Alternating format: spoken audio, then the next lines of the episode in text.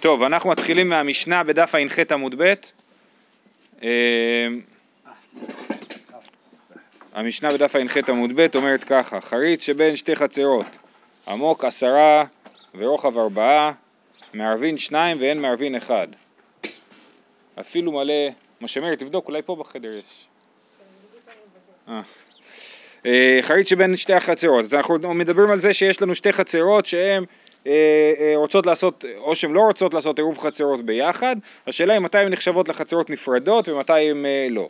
אז חריץ שבין שתי חצרות, עמוק עשרה ורחב ארבעה מערבין שניים ואין מערבין אחד, הן לא יכולות לעשות עירוב חצרות משותף כי הן נפרדות, אפילו מלא קש או תבן, מלא עפר או צרורות, אם החריץ מלא עפר או צרורות, מערבין אחד ואין מערבין שתיים, הן נחשבות לחצר אחת.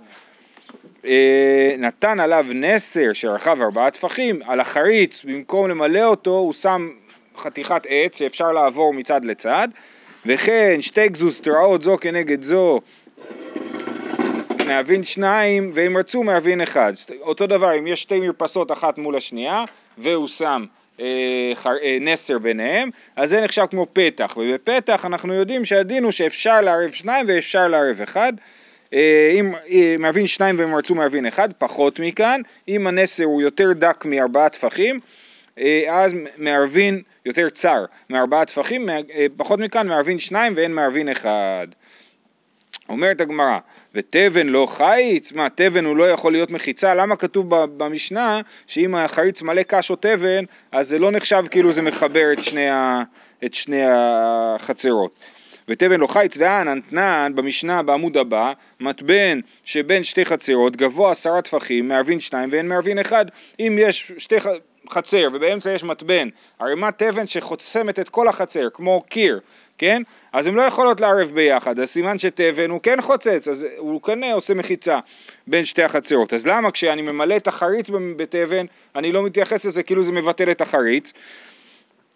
אה, אמר אביי, לעניין מחיצה כולי עלמא לא פליגי דאבי מחיצה, אבל לעניין חציצה היא ביטלי חיץ והיא לא ביטלי לא חיץ. אז באמת זה משונה, אומרים שיש פה הבדל בין מחיצה לחציצה. כן, מחיצה, תבן שהוא עושים אותו מחיצה, שהוא מטבן באמצע החצר, אז הוא חוצץ, מה לעשות, אי אפשר לעבור מצד לצד, או לא נוח לעבור מצד לצד. אבל כשאני ממלא את, ה, את החריץ בתבן, שם זה תלוי בשאלה אם ביטלתי את התבן או לא ביטלתי את התבן. אז זה לא היה כתוב במשנה, אבל זה הגמרא מוסיפה, שכן יש אפשרות אה, לבטל את התבן, לשים תבל בחריץ ולהגיד אני לא רוצה לקחת מפה את התבן, לא מתכנן להשתמש בו, הוא נשאר פה, אני מבטל אותו וזה זה נחשב כאילו סתמתי את החריץ וכן אני, זה מחבר את שני החצרות, אה, שתי החצרות. אז, אז, אה, אז, אז זה ההבדל, שלעניין מחיצה זה מחיצה כי זה שם וזה עומד וזה מפריע לעבור. לעניין חציצה, שזה ימלא את החריץ ויבטל אותו, את זה אנחנו אומרים שזה מבטל אותו רק אם אתה לא מתכנן לקחת את זה משם. אבל אם אתה מתכנן לקחת את זה משם, אז כן, אה, אז זה לא מבטל את החריץ, והחריץ מפריד בין שתי החצרות. נכון, נכון. ואם הוא מחיצה, אז הוא מחיצה עד, ש... עד שהוא יזוז, נכון. מלא עפר או צרורות, אומרת, כן, אז המשנה אמר שאם מלא עפר או צרורות אז זה מחבר את שתי החצרות, מערבין אחד ואין מערבין שניים. אומרת הגמרא, ואפילו בסתמה, אפילו אם סתם מילא עפר אבל הוא לא הודיע שהוא מתכנן אה, להשאיר את העפר שם בתוך החריץ, ואתנן, בית שמילאהו תבן או צרורות וביטלו בטל, ביטלו אין, לא ביטלו לא. יש, זה מדבר על ענייני טומאת מת. יש מת בתוך הבית, אז הבית יש טומאת אוהל. מה טומאת אוהל עושה? היא עושה שני דברים. היא גם עושה שהטומאה תתפשט בכל הבית, אבל היא גם חוסמת את הטומאה מלצאת מחוץ לבית. אם מישהו יעמוד על הגג של הבית, מעל המת, הוא לא יטמא, כי האוהל הוא חוסם את הטומאה, כן? אז אה, אה, עכשיו, אז אה, אם אני, עכשיו לעומת זאת, אם אין אוהל, אם יש מת שנמצא בתוך, אה, אה, אה, נגיד, אה, ש, בשביל שיהיה אוהל צריך שיהיה חלל טפח, שיהיה אוויר אוויר טפח. אם אין שם חלל טפח, אז, אה, אז, אה, איך, אה, אז הטומאה בוקעת ועולה, כן? זאת אומרת מצד אחד הטומאה לא מתפשטת לצדדים, מצד שני היא כן בוקעת ועולה. מי שיעמוד מעל קבר, שהקבר הזה אין שם מחיצה, שאין שם חלל של טפח, אז, אז הוא, הוא יטמא מהמת. מה זה? חלל זאת אומרת אוויר בגודל של טפח, שמונה סנטימטר. אז למה, למה כהן לא יכול להיכנס לבית קברות. הרי כל הקברים... נכון, בעיקרון אנחנו גוזרים שכהן לא יכול להיכנס לבית קברות באופן אה, כללי כאילו, זאת אומרת זה, זה אני חושב שזה די רבנן. הרחקה. כן, עכשיו הקברים בעצמם, לא- אדם לא נטמע. בקברים עצמם אה, יש לנו מה שנקרא טומאת גולל ודופק, שהם טמאים כאילו בהגדרה, אה, המצבה היא טמאה אה, וכדומה. אה, אבל באמת אני חושב שבקברים היום יש חלל טפח. כן. נכון, בטון, כן.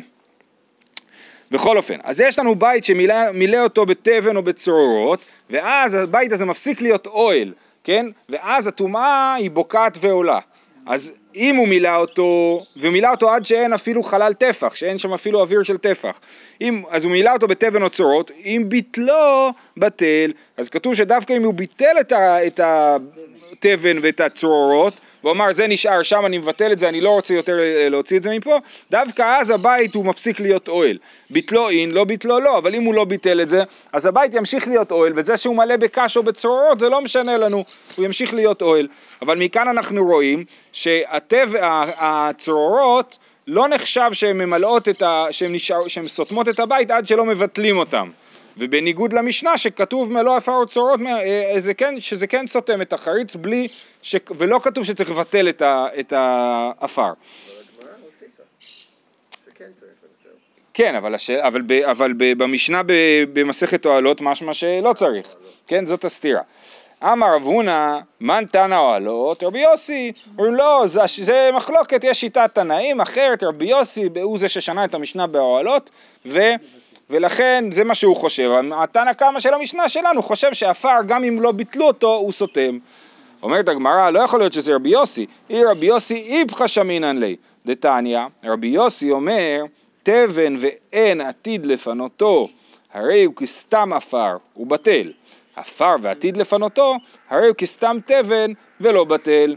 יש לנו שלושה מצבים. יש לנו מצב של מישהו ביטל את זה, זאת אומרת הוא הודיע אני משאיר את העפר הזה פה, כן? יש לנו מישהו שהוא לא הודיע כלום, אבל רק אין עתיד לפנותו, הוא אומר אני לא, לא מתכנן להזיז את זה מפה, ויש סתם, כן? ויש סתם, שמת, שמתי עפר ולא אמרתי כלום. אז מה רבי יוסי אומר? לגבי הבית הזה שמלא בקש וצרורות, אומר תבן ואין עתיד לפנותו, תבן שהוא לא מתכנן לפנות אותו, הרי הוא כסתם עפר, הוא בטל, כן? אז הוא כמו סתם עפר. עפר ועתיד לפנותו, אם העפר שאני שמתי אותו בתוך הבית אבל אני רק בינתיים שמתי אותו שם, אני מתכנן להזיז אותו, עפר ועתיד לפנותו, הרי הוא כסתם תבן ולא בטל. אז במפורש אנחנו רואים שרבי יוסי חושב שסתם עפר כן בטל, לא צריך להיות לבטל את העפר, אלא ברגע שזה סתם עפר, אז זה אה, בטל. ואז אנחנו, אז אם ככה יוצא שהמשנה שלנו, אה, אה, שהמשנה של אוהלות היא לא כרבי יוסי, המשנה של אוהלות כתוב שדווקא צריך לבטל את, העפר, את הצרורות, כן?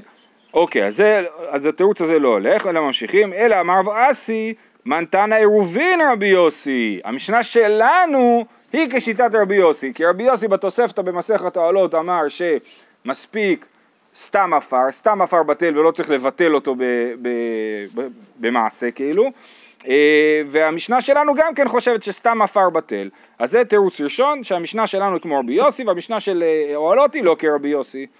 תירוץ שני, רב הונא ברדי רבי אמר, טומאה, שבת קרמית, מה אתה אה, מקשה מטומאה לשבת? זה שתי דברים נפרדים.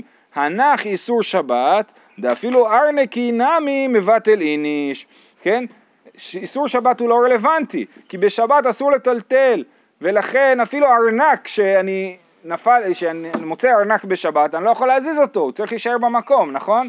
אז אותו דבר עם עפר, עפר הוא מוקצה, ואי אפשר להזיז אותו, אז לכן בשבת, למרות שבעניין טומאה אנחנו אומרים שרק אם ביטלתי את העפר הוא בטל, בשבת לא צריך לבטל את העפר, כי אי אפשר להזיז את העפר ממילא כל השבת. לעומת זאת תבן כן אפשר להזיז, כי תבן הוא מאכל של בעלי חיים ואפשר להזיז אותו. זה לא משנה מי רבי יוסי או לא. אז זה לא, לא כן, זה תירוץ אחר, לא קשור לרבי יוסי. אומרים שיש הבדל בין טומאה לבין שבת. ותירוץ שלישי, אמר אה, רב אשי אמר, בית החריץ קרמית, בישלמה חריץ למית מיקאי, אלא בית למיתי מיקאי. זאת אומרת, מה אתה משווה בכלל בין בית לחריץ? במסכת עירובין פה אנחנו מדברים על חריץ, שאתה ממלא אותו באפר, כנראה שאתה לא רוצה את החריץ הזה, אז אתה סותם אותו, אז אתה שם את האפר בחריץ, סימן שאתה סותם את החריץ. אבל כשאתה ממלא בית באפר, רק אם אתה מודיע שאתה מתכנן לא להזיז את האפר הזה, אז, אז הוא בטל. אבל בית שסתם מלא עפר, אז אתה אומר, כנראה שמישהו הולך להזיז את זה משם וזה לא יישאר שם. אז זה התירוץ השלישי. הם הם, אה, חולקים אחד על השני? או- התירוצים חולקים, כאילו זה תוספת או זה... כל אחד היה לו תירוץ אחר. אה, נגיד אה, רב אשי יגיד... אה, שיש הבדל בין שבת, שאין הבדל בין שבת לבין טומאה? אני לא יודע. לא כל, אולי, נכון. לא יודע. לכאורה אין סיבה להגיד שהם חולקים, אלא... אה. כן, למרות שבעיקרון אנחנו מניחים שהוא לא סתם אומר תירוץ, אם כבר יש תירוץ טוב, אז למה צריך להגיד עוד תירוץ? אז אתה אומר, כנראה שמשהו בתירוץ שלו לא, לא היה מאה אחוז. טוב, נתן עליו נסר שרכב ארבעה, כן אמרנו שאם הוא נתן נסר על החריץ, אז אה, הוא יכול אה, אה, לעשות אה, אה, עירוב, אה, הוא יכול לעשות עירוב חצרות, בין שתי החצרות. אמר רבא לא שנו אלא שנתן לרוחבו, אבל לאורכו אפילו כלשהו נמי, שהרי מיעטו מארבעה. אומר, מה שכתוב שהצריך, הנסר צריך להיות רחב ארבעה טפחים, זה דווקא אם הוא שם את הנסר כמו גשר, מחריץ לחריץ. כן, יש ציור בשטיינזלץ, אבל מי שרוצה, אבל אם אה, הוא לוקח את הנסר ופשוט שם אותו לאורך החריץ והופך את החריץ להיות צר יותר, הרי החריץ הוא ארבעה טפחים, ברגע שהוא יהיה יותר צר מארבעה טפחים, אז, אה, אז מותר, אה, אז הוא לא, כן, אז הוא, אז הוא לא מחיצה, בדיוק. אז, אז לכן, אם הוא שם את זה לאורך, אפילו אם ישים את זה קצת, שתי סנטים, שתי סנטים פנימה, זה כבר מבטל את החריץ, ו, אה, אה, ולא צריך להיות רחב ארבעה טפחים. זה... יכול לזוז בקלות ואז מתבטל ה... כן, אז זה צריך להיות מחובר, נכון. לא אמרנו שיש מחלוקת בין שלוש לארבע? לא פה, לא בהקשר הזה. אבל יכול להיות, שיש, יכול להיות שהם יחלקו גם פה. לא, לא, זה לא קשור לשאלה של אבוד בעיקרון. אה, חשבתי שאפילו אם זה לא מחובר, זה בא כמו לפנות דברים. שאם יש אפשרות שזה ייפול, אה, אה, אה, הבנתי. אני חושב שרש"י פה כותב משהו על זה שזה מחובר. אה, על גבי יתדות הוא אומר, שנתן לאורכו של חריץ דף ד' אורך על גבי יתדות אצל שפתו, אני מבין שהכוונה שזה מחובר. אה, אוקיי, הלאה, המשנה המשיכה ואמרה וכן שתי גזוזתרות זו כנגד זו, אז המשנה דייקה ואמרה שהגזוזתרות הן זו כנגד זו, כן? אמר רבא, עדה אמרת זו כנגד זו אין, זו שלא כנגד זו לא, אם שתי הגזוזתרות הן לא אחת כנגד השנייה, אז גם חריץ, גם אה, סליחה נסר לא יכול לחבר אותם, וזו למעלה מזו נמי לא, אז זו שלא כנגד זו, הכוונה היא שאחת פנימה ואחת החוצה, אחת בולטת יותר מהשנייה, וזו, וזו למעלה מזו שהן לא באותו גובה. אומר רבא, כל זה לא המרן אלא שיש בין זה לזה שלושה טפחים, אבל אין בין זה לזה שלושה, גזוזתרה עקומאי. אם הגזוזתראות הן סמוכות, אה, סליחה, אה, רגע, כן, רש"י מסביר שאין בין זו לזו שלושה טפחים, אין יותר משלושה טפחים בין הגזוזתרות, אז גם אם הם לא באותו גודל בדיוק או לא באותו גובה בדיוק, עדיין זה נחשב לגזוזתרה אחת וזה נחשב לגזוזתרה עקומה. כי אנחנו בו באמת אומרים לבוד. יופי, אומרת המשנה, מתבן שבין שתי חצרות, גבוה עשרה טפחים, מערבין שניים ואין מערבין אחד. אז זה מה שאמרנו מקודם, שיש מתבן שהוא כמו חומה באמצע, או מחיצה באמצע החצר, אז הן לא יכולות לערב ביחד. אה, שתי החצרות. אה, אלו מאכילין מכאן ואלו מאכילין מכאן. עכשיו יש פה בעיה, מה יקרה אם הבהמות יאכלו את כל התבן, באמצע השבת ייגמר התבן, תיגמר החומה, ואז אה, זה ייחשב לחצר אחת והעירוב חצרות מתבטל, כי הם עשו עירוב חצרות בנפרד ועכשיו הם צריכות לעשות ביחד. אבל בכל אופן אומרת המשנה שמותר, מותר להם להאכיל את הבהמות שלהם מהתבן הזה. אלו מאכילים מכאן ואלו מאכילים מכאן. נתמעט התבן מעשרה טפחים, אם התבן הוא ירד מתחת גובה עשרה טפחים, אז באמת מערבין אחד ואין מערבין שניים, אז הם צריכים לעשות עירוב אחד, בסדר? המקרה הראשון, שזה לא... הם מאכיל, מותר להם להאכיל והם לא חוששים שהם יאכלו מספיק בשביל לבטל את המחיצה, כן? אבל אם באמצע שבוע או לפני שבת רואים שהמחיצה באמת היא מתחת גובה עשרה טפחים, אז הם צריכים לעשות עירוב משותף ולא עירוב בנפרד.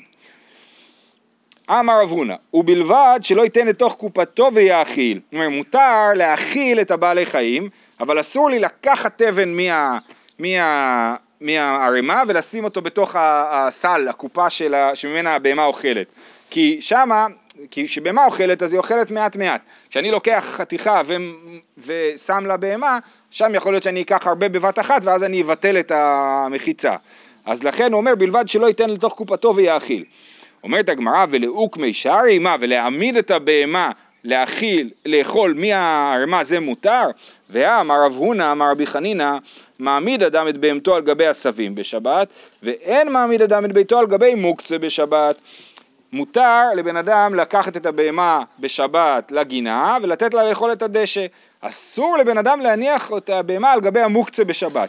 שיש לי איזשהו מצב של אה, שיש לי איזשהו מצב של אה, אה, מוקצה, איזשהו קש שלא ייעדתי אותו לאכילת בהמה והוא מוקצה, אסור לי להגיד לבהמה של, לשים את הבהמה שלי לאכול מה, מהקש הזה, כן?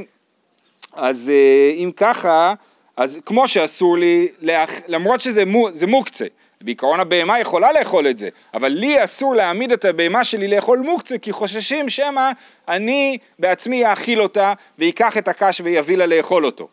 אז כמו שבמוקצה אסור לי להעמיד את הבהמה שלי לאכול, גם פה, כמו ש... הרי אסור לי לקחת את הקש להביא לה לאכול, כי זה, כי אמרנו שיכול להיות שאני אפרק את המחיצה, אז גם יהיה אסור לי להעמיד אותה. מה שאסור לי להאכיל אותה, אסור לי גם להעמיד אותה אה, לידו. אז אומרת הגמרא, באמת זה נכון, ואסור לי להעמיד את הבהמה על גבי הערימה הזאת, אלא דקאים לי באפה ואזלה ואכלה. אני יכול לחסום לה את הדרך ולדאוג לזה שלא יהיה לה שום דבר אחר ל- ללכת אליו, ואז היא תלך לאכול מהערימה של הקש, אבל אני לא יכול לבוא לקשור אותה ליד הקש ולשים אותה לאכול שם. אה, אומרת הגמרא, ולא ייתן לתוך קופתו תבן, ועתניא בית שבין שתי חצרות, ומילאו תבן, מערבין שניים ואין מערבין אחד. זה נותן לתוך קופתו ויאכיל, וזה נותן לתוך קופתו ויאכיל. אז יש לנו בית שבין שתי חצרות. יש לנו, זוכרים שדיברנו על שלוש בתים צמודים, שלכל אחד יש חצר אחרת? אז משהו בסגנון הזה. יש לי שתי בתים משני הצדדים, שכל אחד הוא חלק מחצר אחרת, ובאמצע יש לי עוד בית, הבית באמצע מלא בקש. אוקיי? ולכן כיוון שהוא מלא בקש, אז באמת שתי הבתים נפרדים. ברגע שהבית יתרוקן מהקש, אז שתי הבתים יהפכו להיות בעצם אה, אה, אה, אחד, ואז כל אחד יפריע לעירוב של החצר השנייה, כן? אז, אה, אז, אז זה מה שהוא כתוב פה, וכתוב פה שהתניא, שבית שבין חצרות, מילאהו תבן, מערבין שניים ואין מערבין אחד, שתי הבתים הנפרדים. אבל מותר, זה נותן לתוך קופתו ויאכיל וזה נותן לתוך קופתו ויאכיל. מותר להאכיל, אפילו מותר לתת לתוך קופתו. בניגוד למה שאמר רב הונא, ממשיכה הברייתא ואומרת, נתמעט התבן מעשרה טפחים, אם התבן בבית ירד מגובה עשרה טפחים, שניהם אסורים. כיצד הוא עושה? נועל את ביתו ומבטל את רשותו. מה יעשו ברגע שהתבן ירד מגובה עשרה טפחים? נועל את ביתו ומבטל את רשותו. האחד מהאנשים האלה משתי הבתים יצטרך לבטל את רשותו, ואם הוא יבטל את רשותו אז אנחנו יודעים שזה כבר אה, אה, לא יפריע לעירוב חצרות. אז הוא נועל את הבית ומבטל את רשותו. והוא אסור, ואז ברגע שהוא ביטל את רשותו, הוא אסור, הוא אסור לו לטלטל וחברו מותר. וכן אתה אומר בגוב של תבן שבין שתי תחומי שבת. אותו דין יהיה ביום טוב, כשיש לי ערימה, בור של תבן, שנמצא בדיוק בגבול בין שני תחומי שבת. אז מותר לקחת קש מהבור ולהביא לבהמה שלי ולא חוששים שמא אני לוקח מהקש של התחום השני, כן? כי אם התחום עובר בדיוק על הבור, אז, אז בסור, כל אחד יכול לקחת רק מהחצי שלו, ואסור לקחת מהחצי של התחום השני. ובכן, אז יש פה קושייה לרב הונא. רב הונא אמר שאסור לתת אה, לתוך קופתו, ואנחנו רואים במקרה של הבית שמלא בתבן שמותר. אומרת הגמרא, אמרי, בית כיוון דאיכא תקרא כי מפחת מינקר עלי מילתא, הכא לא מינקר עלי מילתא. מה ההבדל בין בית לבין הערימת קש הזאת באמצע החצר? שבבית אתה רואה בדיוק את הגובה של התבן, כי יש לך משהו להתייחס אליו, אתה רואה ש, ש, את המרחק בין, מהתבן לתקרה. כשזה בחוץ, אז קשה לך להעריך מתי הגובה של התבן ירד מתחת לעשרה טפחים, ולכן בתוך הבית מותר להוציא, מתוך הקופ... להוציא ולתת לתוך קופתו, וב... ובחוץ אסור. רגע, מה החשש?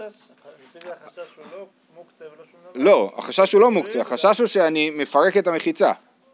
ואז אה, יצטרכו עירוב משותף.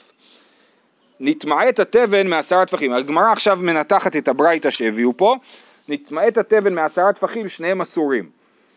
העשרה, שרי, אם הבית הוא, אם אה, יש שם קש בגובה עשרה טפחים, אה, אז אפשר לטלטל, אז הכל בסדר, אז הבית הוא, הוא מחיצה טובה, נכון?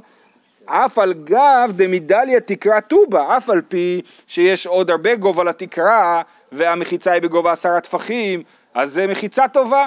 מה זה מוכיח? זה מוכיח שמחיצה באמצע הבית היא מחיצה טובה. למה זה רלוונטי? ראינו מחלוקת בית שמאי ובית הלל במצב של חמש חבורות שיושבות בטרקלין, נכון?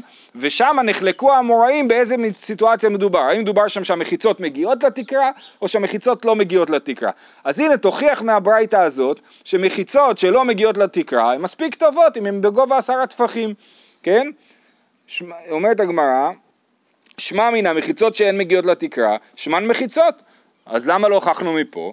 אמר אביי, אחא בבית שלושה עשר חסר משהו עסקינן, ותבן עשרה. באמת, אנחנו לא רוצים להוכיח מפה, אז לכן אנחנו נעמיד את הברייתא במצב של בית שהוא בגובה שלושה עשר טפחים פחות קצת, ויש לבוד מהתבן עד התקרה. ברגע שהתבן ירד מגובה עשרה טפחים, אז יתבטל הלבוד והמחיצה תתבטל. אה, עשרה טפחים זה 80 סנטימטר, 13 טפחים זה אה, כמעט מטר. אתה יכול להגיד שמדובר פה על איזשהו סוג של מחסן כזה, כן, שהוא בין שתי בתים, שהוא מחובר. מין מחסן קש שמחובר בין שני בתים. אבל זה למה דווקא קש? למה לא אבן? קש ותבן, מה? למה לא אבן? אבן? למה לא אבן? למה זה קש דווקא? למה זה קש? לא הבנתי, כי אם זה בקש, מה שהקטע בקש זה שהוא מצד אחד הוא סתימה, מצד שני הוא לא מוקצה, כי אפשר להאכיל איתו את הבעלי חיים. אז לכן הוא מקרה מיוחד שעליו אנחנו, שהוא מעניין אותנו כאילו. אה, אה, אתה מבין, האוקימתא הזאת בבית של 13 טפחים צריכים להגיד רק אם אנחנו רוצים להגיד שמחיצות שלא מגיעות לתקרה אין שמן מחיצות, אבל אם אנחנו אומרים שמחיצות שלא מגיעות לתקרה שמן מחיצות אז אנחנו יכולים להגיד שמדובר על בית רגיל.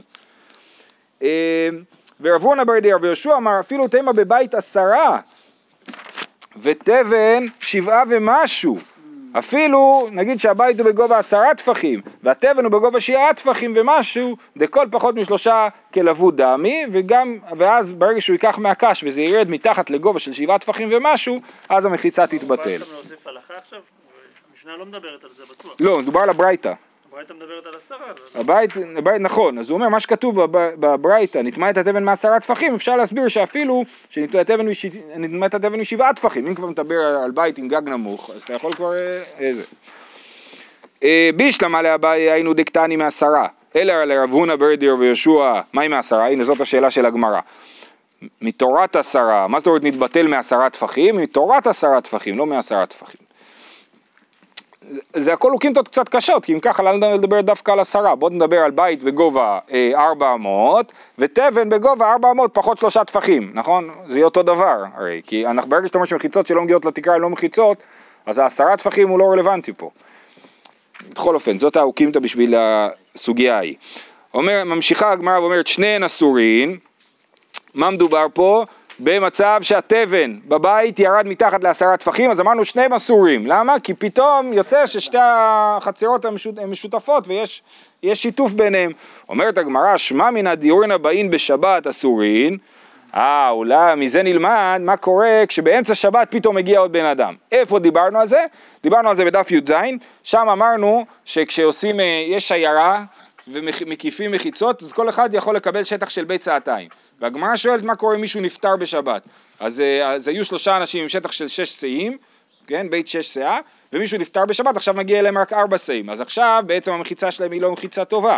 אז על זה נחלקו שם בסוגיה, ואמרו, יש כאלה שאומרים שהשבת, ברגע שהשבת מותרת הכל מותר, ויש כאלה שבאמת אומרים לא, הולכים לפי האנשים כל הזמן, כן? אז אומרים, מזה נלמד, דיורין הבאים בשבת אסורין, למרות שבכניסת שבת היה בסדר, הקש סתם באמת את, הרווח שבין שני הבתים, אם ירד הקש באמצע שבת זה כאילו נכנס לפה עוד מישהו לגור, כן? אז הנה דיורין הבאים בשבת אסורין, אומרת הגמרא לא, דילמה דאימא אתמול, מה שכתוב פה שזה ירד מתחת עשרה טפחים והוא צריך לבטל את רשותו, זה כשזה קרה ביום שישי, ורק בשבת שמנו לב לזה נגיד. כיצד הוא עושה נועלת ביתו ומבטל את רשותו? אומרת הגמרא, תרתי, למה צריך גם לנעול את הבית וגם לבטל את רשותו? או שינעל את הבית ויגיד הבית הזה הוא לא מעבר, או שיבטל את רשותו ויגיד לי אין רשות בבית הזה, למה צריך את שני הדברים? אומרת הגמרא, אה, הכי כאמר, או נועל את ביתו או מבטל את רשותו. הוא לא צריך באמת לעשות את שני הדברים, יכול לעשות אחד משניהם. זה אופציה ראשונה, והיא בהתאם על עולם תרתי, כיוון דדש באתי לטלטולי, כיוון שזה הבית שלו והוא רגיל לקחת מהבית ולהכניס ולהוציא, אז אנחנו אומרים, אתה גם צריך לבטל רשות בשביל שלא תאסור את החצר, וגם לנעול את הבית אה, בשביל שלא תבוא להכניס ולהוציא דברים. אה, הרעיון הזה שהוא צריך גם לנעול את הבית, אנחנו אומרים אותו פה, השאלה אם אנחנו אומרים אותו באופן כללי בכל ביטולי רשות, אה, אני לא בטוח. הוא אסור וחברו מותר, אמרנו שברגע שהוא מבטל את רשותו הוא אסור להוציא ולהכניס מהבית אבל החבר שלו מותר לו כי, הוא, כי חבר שלו לא ביטל את רשותו, פשיטא, לא צריכה דאדר אידך ובאתי לי לחברי, מה קורה אם הוא, אה, אה, אומרת הגמרא, החידוש של הברייתא בא להגיד אפילו אם החבר שלו ביטל חזרה את רשותו, זאת אומרת אני ביטלתי את רשותי, החבר הוציא כל מה שהוא צריך מהבית, ועכשיו הם מת, מתהפכים, עכשיו החבר מבטל את רשותו ואני אוכל להוציא את מה שאני צריך. אז על זה אומרת הברייתא שהוא אסור וחברו מותר, שזה לא עובד, שחברו תמיד מותר והוא תמיד אסור. זה, זה החידוש. והקמא שמלן דאין מבטלין וחוזרין ומבטלין. גם את המחלוקת הזאת ראינו. זהו, אז כאן פוסקים. כאן לכאורה פוסקים שאין מבטלין וחוזרין ומבטלים, נכון. או שנגיד שזה ברייתא וזה פחות uh, מכריע. Uh, וכן אתה אומר בגוב של תבן שבין שני, שבין שני תחומין, תחומי שבת, אומרת הגמרא פשיטא, אומר רש"י, מאי אולמא דתחומין וחצרות, הא והא דרבנני, כן, זאת אומרת אם יש לי בור בין שתי חצרות, זה, ו, סליחה, בור בין שתי תחומי שבת, זה אותו דין כמו הדין של עורבי חצרות, זה הכל דה רבנן, אז לא הייתי צריך שתגיד לי את זה. אומרת הגמרא, לא צריכה לרבי עקיבא, דאמר תחומין דאורייתא. החידוש של רבי עקיבא שחושב שתחומין הם דאורייתא, ואפילו אחי מותר לנו, שוב, הבור הזה נמצא בין שתי חצרות. סליחה, הבור, יש תחומי שבת, כל, יש פה שני אה, בתים נגיד, ושרחוקים אחד מהשני ארבעת אלפים אמה. בדיוק באמצע יש בור ובבור הזה יש קש. עכשיו, לא מדובר פה על שבת, בשבת אסור לטלטל, מדובר פה על יום טוב. ביום טוב יש לנו דין תחומי, אה, תחומי שבת ואין דין של אה, טלטול. אז אני יכול ביום טוב לקחת את הבהמה שלי, ללכת עד לבור עם התבן ולהוציא תבן מהבור ולהביא לה לאכול. ואני לא חושש שמא אני אוציא מהצד שאסור לי להוציא. כן? כי, כי בתחום, אנחנו יודעים, בתחומי שבת כל דבר נקבע בתחום שלו, והתבן הזה ששייך לאנשים שבצד ההוא, אסור להוציא אותו מעבר לתחום. אז זה מה שהברייתא אומרת, ש, שמותר להוציא מהצד שלי ולא חוששים שמא אני אוציא מהצד השני, והחידוש הוא, שאני אומר את זה אפילו לרבי עקיבא שחושב שתחומין הם דאורייתא, בכל זאת לא חוששים. לא צריכה לרבי עקיבא דאמר תחונין דאורייתא מהו דתימה לגזור דילמה עתי לאכלופי כמה שמלן שלו כן אנחנו לא חוששים שיבואו לקחת כל אחד מהצד השני. טוב המשנה הבאה. כיצד משתתפים במבוי מניח את החבית אז מה תכלס איך משתתפים במבוי אמרנו שמבוי יש לנו עירובי חצרות ושיתופי מבואות עם מה אנחנו עושים עירובי חצרות אמרנו רק עם פת אבל שיתופי מבואות אפשר לעשות גם עם יין, נכון? זה, זה מה שאמרנו, אז לכן מדובר פה על חבית, כי מדובר פה על שיתופי מבואות. כיצד משתתפים במבוי? מניח את החבית ואומר, הרי זו לכל בני המבוי. באמת באמת איך עושים שיתופי מבואות? עובר, עובר מישהו עם חבית, וכל אחד שופך לו יין לתוך החבית וככה כולם משתתפים. אבל אנחנו לא רוצים לעשות ככה, כי יין מעורבב זה פחות טוב מסינגל מלט, כן? אז אנחנו אה, אה, אה, אומרים, אני את החבית שלי יזכה לכל בני המבוי. אני במקום לאסוף מכולם, אני אגיד החבית הזאת שייכת לכולם. אז איך עושים את זה?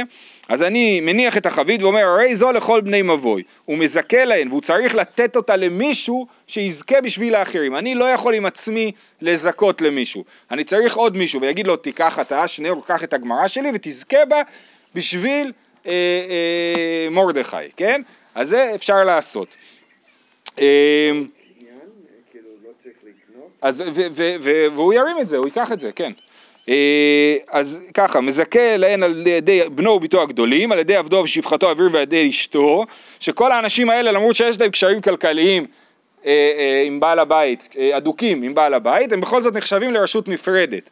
אבל אינו מזכה לא על ידי בנו וביתו הקטנים ולא על ידי עבדו ושפחתו הכנענים מפני שידן כידו. כן, אם אני אתן לבן הקטן שלי לזכות. בחבית בשביל כולם זה לא עובד, כי היד של הבן שלי הוא כמו היד שלי, כל דבר שהוא מוצא הוא שייך לי, ולכן אה, אה, אותו דבר עם העבד הכנעני, ולכן הדבר הזה הוא... אה, הוא לא עובד. אפשר כן לעשות את זה על ידי בנו וביתו הגדולים, ועל ידי עבדו ושפחתו העברים ועל ידי אשתו. בר מצווה או עד גיל שש? בר מצווה לכאורה. אמר רב יהודה חבית של שיתופי מבואות צריך להגביה מן הקרקע טפח, כן? צריך לעשות לה הגבהה, להוריד מן הקרקע טפח. אמר רבא אנא תרתי מילי סבי דפומבדיתא אמרינו.